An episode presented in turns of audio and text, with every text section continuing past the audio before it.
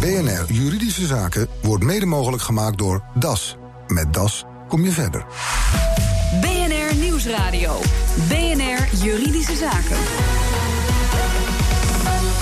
Paul van Liemt. Goedemiddag, vandaag. Een hardnekkige associatie bij de incassobranche blijft het cowboy-imago. Vanuit de branche zelf zijn er daarom inspanningen om nog zorgvuldiger met debiteuren om te gaan.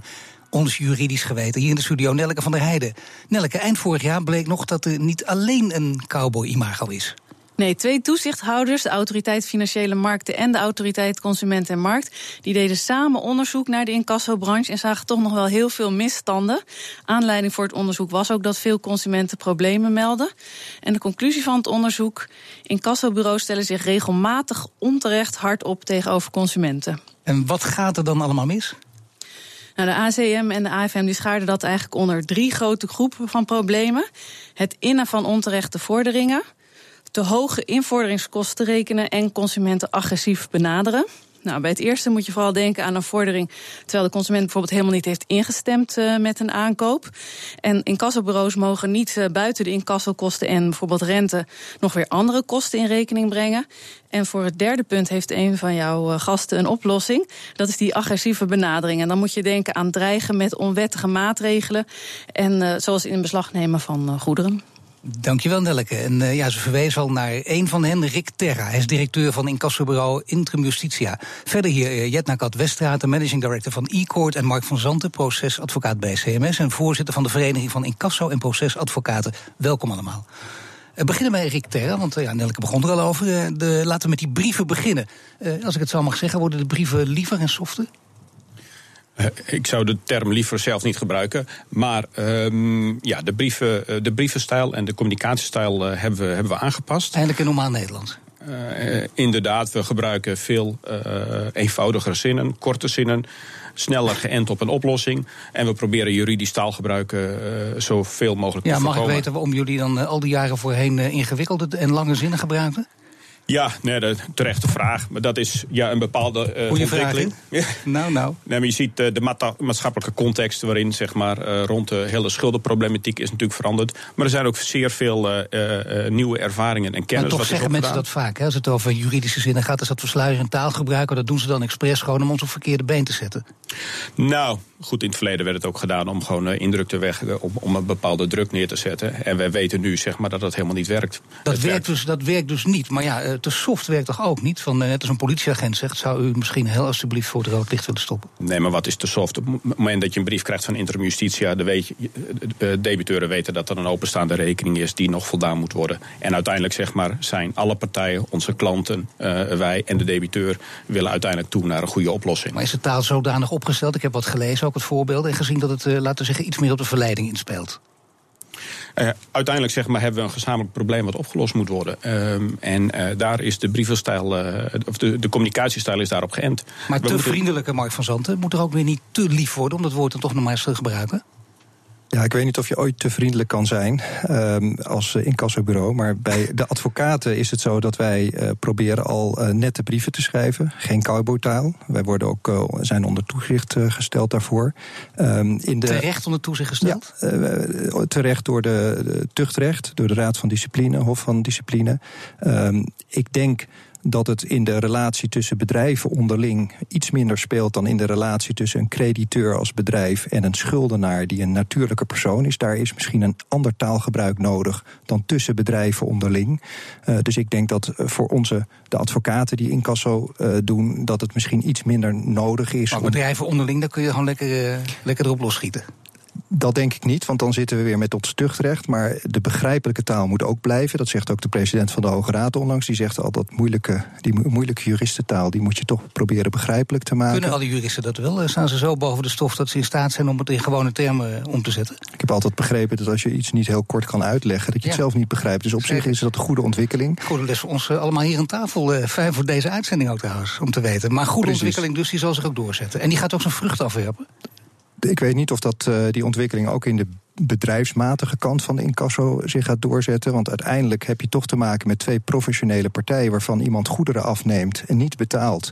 En er meerdere crediteuren voor die debiteur zijn. En elke crediteur zal zeggen, ja, ik wil toch graag mijn geld hebben. Dus uiteindelijk zal er moeten worden geprocedeerd als het niet doorgaat. Dat wel, maar in ieder geval hoffelijkheid speelt een rol. Hier misschien ietsje minder, want de enige vrouw aan tafel is nog niet aan het woord gekomen. Die komt dus later, nu dat gaan we goed maken.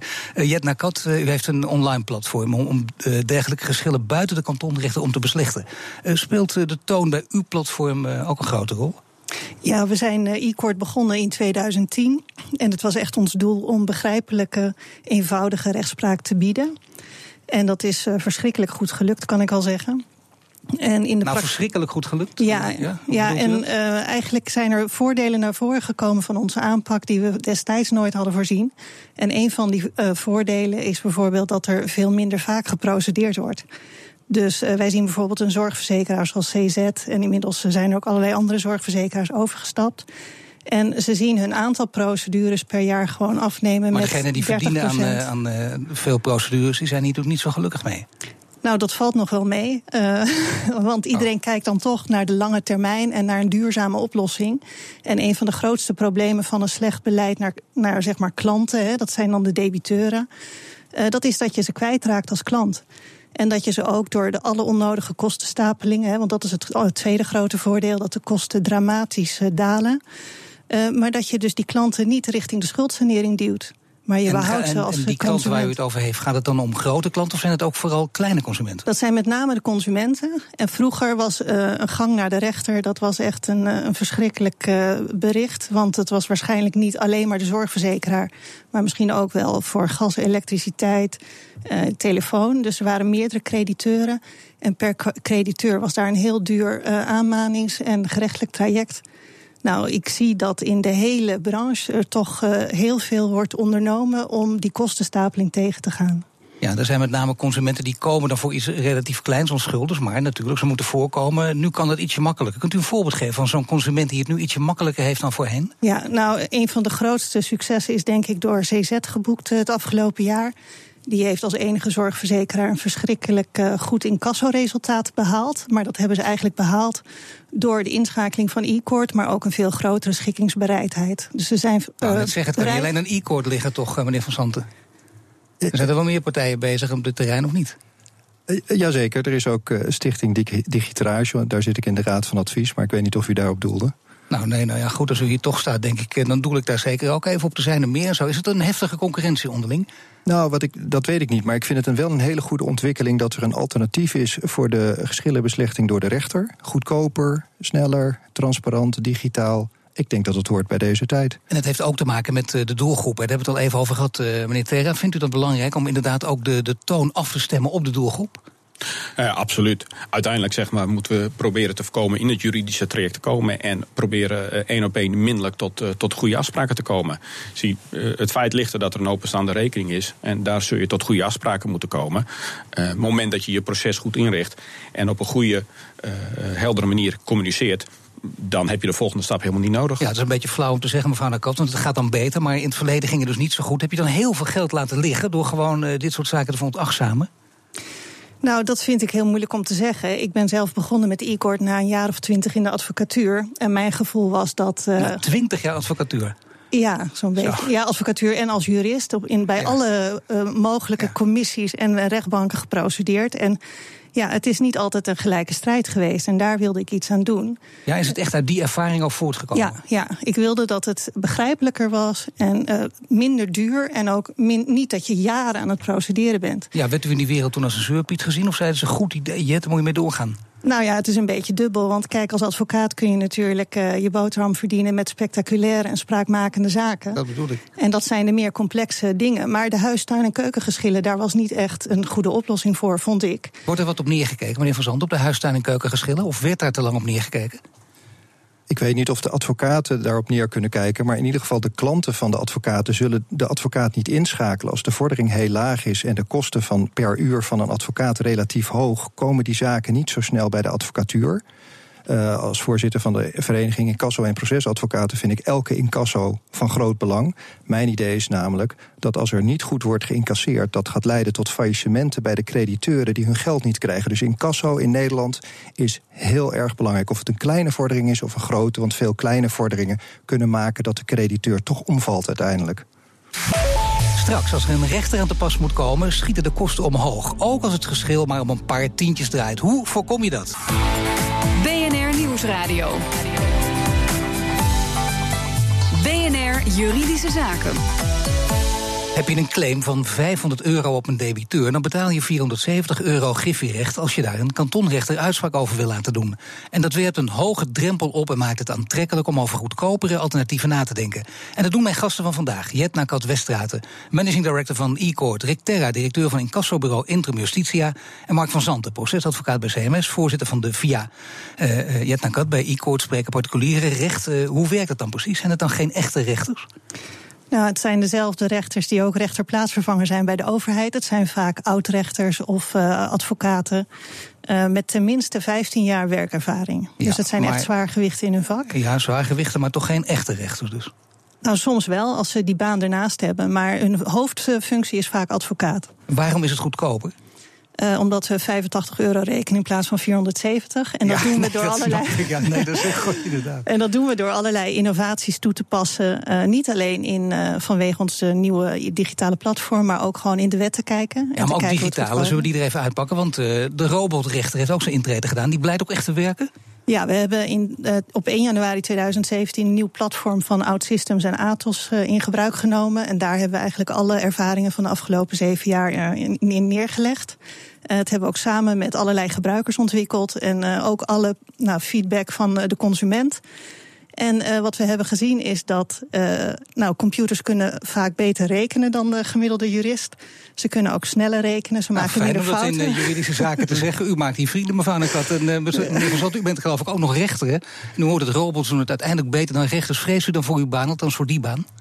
Ja, ik geloof dat ik dan op persoonlijke titel moet spreken. Uh, nee, mijn idee is dat uh, bij elke uitspraak uiteindelijk een mens te pas moet komen. Maar het kan wel zo zijn dat de vinding van het recht via allerlei digitale programma's gaat en via uh, zoekmachines en databanken. Dat wel. Daar kunnen we niet meer zonder. Nou, denk ik, meneer Terra, dat het natuurlijk niet uh, te stoppen is. Uh, technologie ontwikkelt zich, gaat voort en dat kunnen we niet tegenhouden. Maar betekent het dat het uiteindelijk de techneuten zijn die het voor het zeggen krijgen? Vijf hele slimme techneuten die precies weten hoe die robots werken?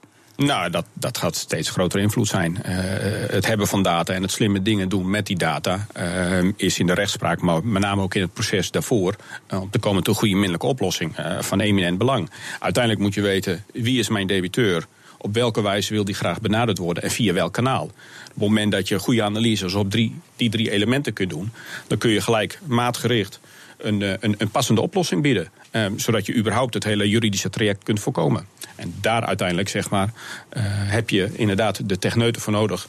Uh, om dat steeds tot uh, nee, Dat snap ik, maar hoe dieper en verder het gaat, hoe ingewikkelder het ook wordt. En hoe minder mensen daar kennis van hebben. En dat zijn dan de techneuten zelf die de robots kunnen aansturen. Dus niet de robots nemen het dan over, maar de techneuten die de baas zijn over de robots. Ja, nou ja, en daar moet natuurlijk wel een rationalisatieslag overheen. Want uiteindelijk zeg maar. Een rationalisatieslag? nou, je, je moet daar gewoon op, wel op een fatsoenlijke manier mee omgaan. ja, nee, natuurlijk. Kom nee, op, zeg. Nee. Je, je, je blijft te maken hebben met, uh, met debiteuren, met consumenten. Ja. Uh, en daar moet een stuk gevoel in gelegd worden om te komen tot, uh, tot passende oplossingen. Kijk even, een maar stuk is... gevoel, hè? Verschrikkelijk Nederlands, maar dat geeft niet. Ik bedoel, ja. u, u, werkt al in Nederland, zegt u, het moet beter, dus dit moet ook beter. Maar in ieder geval, ik begrijp wat u bedoelt. Namelijk, daar heb je de mensen voor nodig. Hoe dan ook. Of kun je dat ook in een robot nee, stoppen? Recht zonder billijkheid kan niet. Ja. Hoe vaak hoor je redelijkheid en billijkheid bij een zaak? Ik zie niet in dat een computerprogramma kan aangeven wat in een bepaald geval, en dan heb ik maar één ding, redelijk of billig is. En ook kantonrechtersformules waarvan je helemaal hard kan zeggen dat wordt de ontslagvergoeding die iemand krijgt, die formule. Je ziet heel vaak dat dan in de praktijk blijkt dat die formule niet leidt tot een billig resultaat voor het specifieke geval. Dus ik ben daar niet een voorstander van. Uiteindelijk zoek je wel de grens op om uh, kosten te besparen. ICO doet het ook, wordt wel eens teruggefloten. Ik las een uitspraak over, uh, over meerdere debiteuren, debiteuren tegelijk. Hoe zat dat precies? Ja, dat is. Uh, Um, een klein stukje in ons proces, dat is nog een stempel die wij halen bij uh, de rechtbank. en um, ja, soms uh, zegt een rechter dan van nou, dat, dat vinden we niet dat het op deze manier moet. Uh, in dit geval was ik zelf wat verbaasd, want het ging toch om een van de beroemdste arresten van de Hoge Raad. Dus hoe het precies zit, weet ik niet. Maar ik denk ook wel dat het te maken heeft met onderliggende rekenmodellen die daarbij een rol spelen. Um, maar hoe het precies zit, dat weet alleen de rechter, want de, de, de motivering was heel erg beknopt. Ja, maar toch heel lastig. Hè? Dus uh, soms, uh, we, we, praten hier over openheid, uh, transparantie. Mm -hmm. Het wordt er zo niet gevallen, maar daar komt het eigenlijk wel op neer. Het allemaal duidelijker en helderder maken. Maar dit maakt het alleen maar moeilijker, heb ik het idee.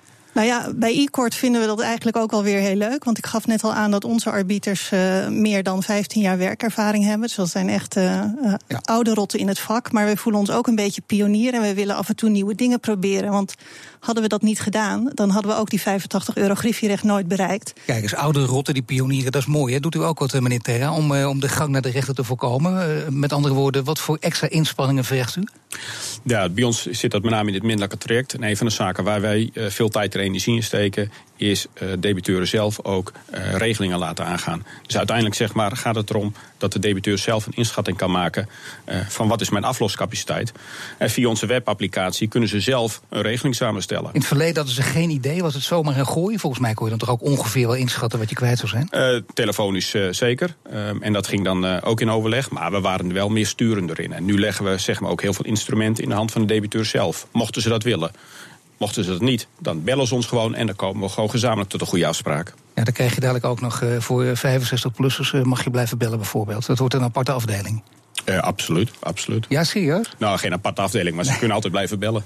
Het, ja, het cowboy-imago, daar hadden we het over. Dat is een belangrijk natuurlijk, daar wil je vanaf. Dat, dat, hoort, niet, dat hoort niet bij de sector.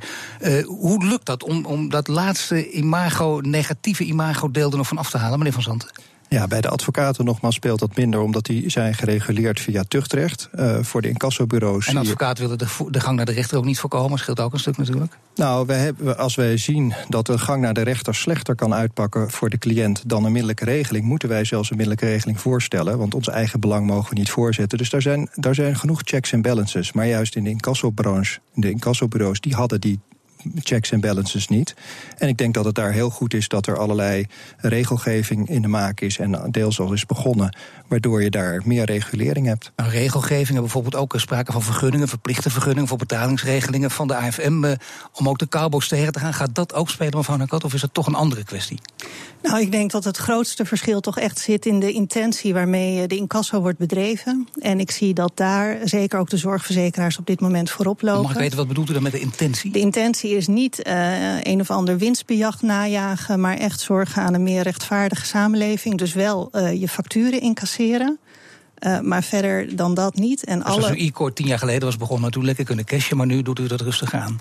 Nee, uh, e-court die heeft vanaf het begin uh, op nogal wat weerstand gestuurd, omdat het toch een vrij uh, afgesloten markt was. En wij hebben die nogal open weten te breken en transparantie bereikt. En nu is die boodschap geland sinds een paar jaar. En nu is de doorbraak enorm. En je ziet dus dat er allerlei initiatieven parallel aan elkaar lopen. Maar ik denk in 2009 waren wij echt de voorlopers. Ik dank jullie voor dit gesprek. Jetna Kat Westraat, managing director van e-court. Rick Terra, directeur van incassobureau Interim Justitia. En Mark van Zanten, procesadvocaat bij CMS en voorzitter van de VIA. BNR Nieuwsradio. BNR Juridische Zaken. Luisteraar Mirjam kon niet voorspellen dat de motor die voor haar reed plotseling zou afslaan. Toch lukt het maar niet om de motorrijder aansprakelijk te stellen. Is dat terecht? Een verslag van Nelke van der Heijden. Mirjam, je had een jaar of twee geleden een motorongeluk, flink wat schade opgelopen. Was dat ook jouw schuld? Nee, het was niet mijn schuld. We reden in een groepje met vijf motoren. En de voorste motorrijder zag op zijn navigatie van... oh, hier is dat zijweggetje wat we moeten hebben. En remde plotseling behoorlijk hard en trok meteen zijn stuur naar rechts. En nummer twee zat er te dicht achter. En samen zijn ze op de grond gevallen en moest ik hen ontwijken. Daarbij heb ik een whiplash opgelopen. Een whiplash, is dat de enige schade? Nee, er was ook schade aan mijn motor. Maar dat is allemaal hersteld. Alleen, um, ik heb meer dan een jaar gedaan over mijn herstel... en daarbij flinke medische kosten gemaakt... en uh, een hoop inkomen misgelopen. Klinkt wel heel vervelend, maar als jij dus inderdaad daar niet schuldig aan bent... is het een kwestie van verzekeringswerk. Het lijkt een heel simpel verhaal, maar dat blijkt het niet te zijn. Mijn advocaat heeft tot twee keer toe de voorrijder aansprakelijk gesteld... maar de verzekering van de tegenpartij heeft dat tot twee keer toe afgewezen. En een kennis van mij werkt bij een grote verzekeringsmaatschappij... en vertelde mij over de schuldloze derde regeling. Mijn advocaat is niet goed op de hoogte van die regeling... en daarom vraag ik aan BNR Juridische Zaken van... kan ik daarvoor in aanmerking komen? Omdat Er lag een motor op de weg, die heb ik moeten ontwijken. En een motor schijnt niet op de weg te horen liggen. En er horen überhaupt geen obstakels op de weg te liggen om die te moeten ontwijken. Veru Mewa van Beer Advocaten. Kan Mirjam inderdaad een beroep doen op die schuldeloze derde regeling? Nou, dat is de vraag. Om een aanspraak te kunnen maken op die regeling moet je kunnen aantonen dat je als slachtoffer geen enkel aandeel hebt aan het ongeval. Dat je inderdaad een schuldloze derde bent. Nou, om daar aanspraak op te kunnen maken, moet dat dus vaststaan. En de feiten zullen dat duidelijk moeten maken. En wat voor feiten denk je dan aan? Nou, het lijkt erop dat de verzekeraar van de aansprakelijke partij de aansprakelijkheid afwijst omdat haar enig aandeel valt te verwijten aan het ontstaan van het ongeval. Als haar rechtsbijstandjurist kan aantonen dat Mirjam voldoende afstand heeft gehouden, niet te hard reed, goed zicht had, al dat soort elementen, ja, dan is het toch echt een schuldloze derde. En als ze dat niet helemaal is? Dan zal ze op basis van de feiten moeten aantonen dat ze misschien een aandeel heeft gehad aan het ongeval, maar dat die niet zo belangrijk en zo groot was. En dan kan ze in ieder geval een deel van haar schade verhalen. Als een verzekeraar stelt, op basis van diezelfde feiten, dat ze bijvoorbeeld 25% eigen schuld heeft gehad aan het ongeval, dan kan ze 75% van haar schade vergoeden. Ja, dus ze moet zich nog niet neerleggen bij die twee afwijzingen qua aansprakelijkheid? Nee, zeker niet. Zo zwart-wit is het niet. Een rechter zal op basis van het feitenmateriaal kunnen beslissen wat haar aandeel is geweest. Of dat ze überhaupt geen aandeel heeft gehad. En op basis daarvan zal een deel of het hele deel van haar schade vergoed moeten worden. En als het nou met het aansprakelijk stellen van de eerste niet lukt, heeft het dan nog zin om het met die tweede te proberen? Ja, zeker. Ik denk dat het zelfs belangrijk is dat ze de beide partijen tegelijkertijd aanspreekt. En moet ze ook opschieten? Ja, er is een verjaringstermijn van drie jaar. Ze heeft nog wel even, maar ze zal die termijn wel in de gaten moeten houden. Als je in een juridisch gevecht verwikkeld raakt, dan wil je die termijnen wel eens vergeten. Maar dat is veilig te stellen door haar jurist. Dat zegt advocaat Veru Mewa in een verslag van Nelke van der Heijden. Heeft u ook een juridische vraag? Mail hem naar juridischezaken.bnr.nl. Dit was de uitzending voor vandaag. U kunt de show terugluisteren via bnr.nl slash juridische zaken. Mijn naam is Paul van Diemt. Tot de volgende zitting.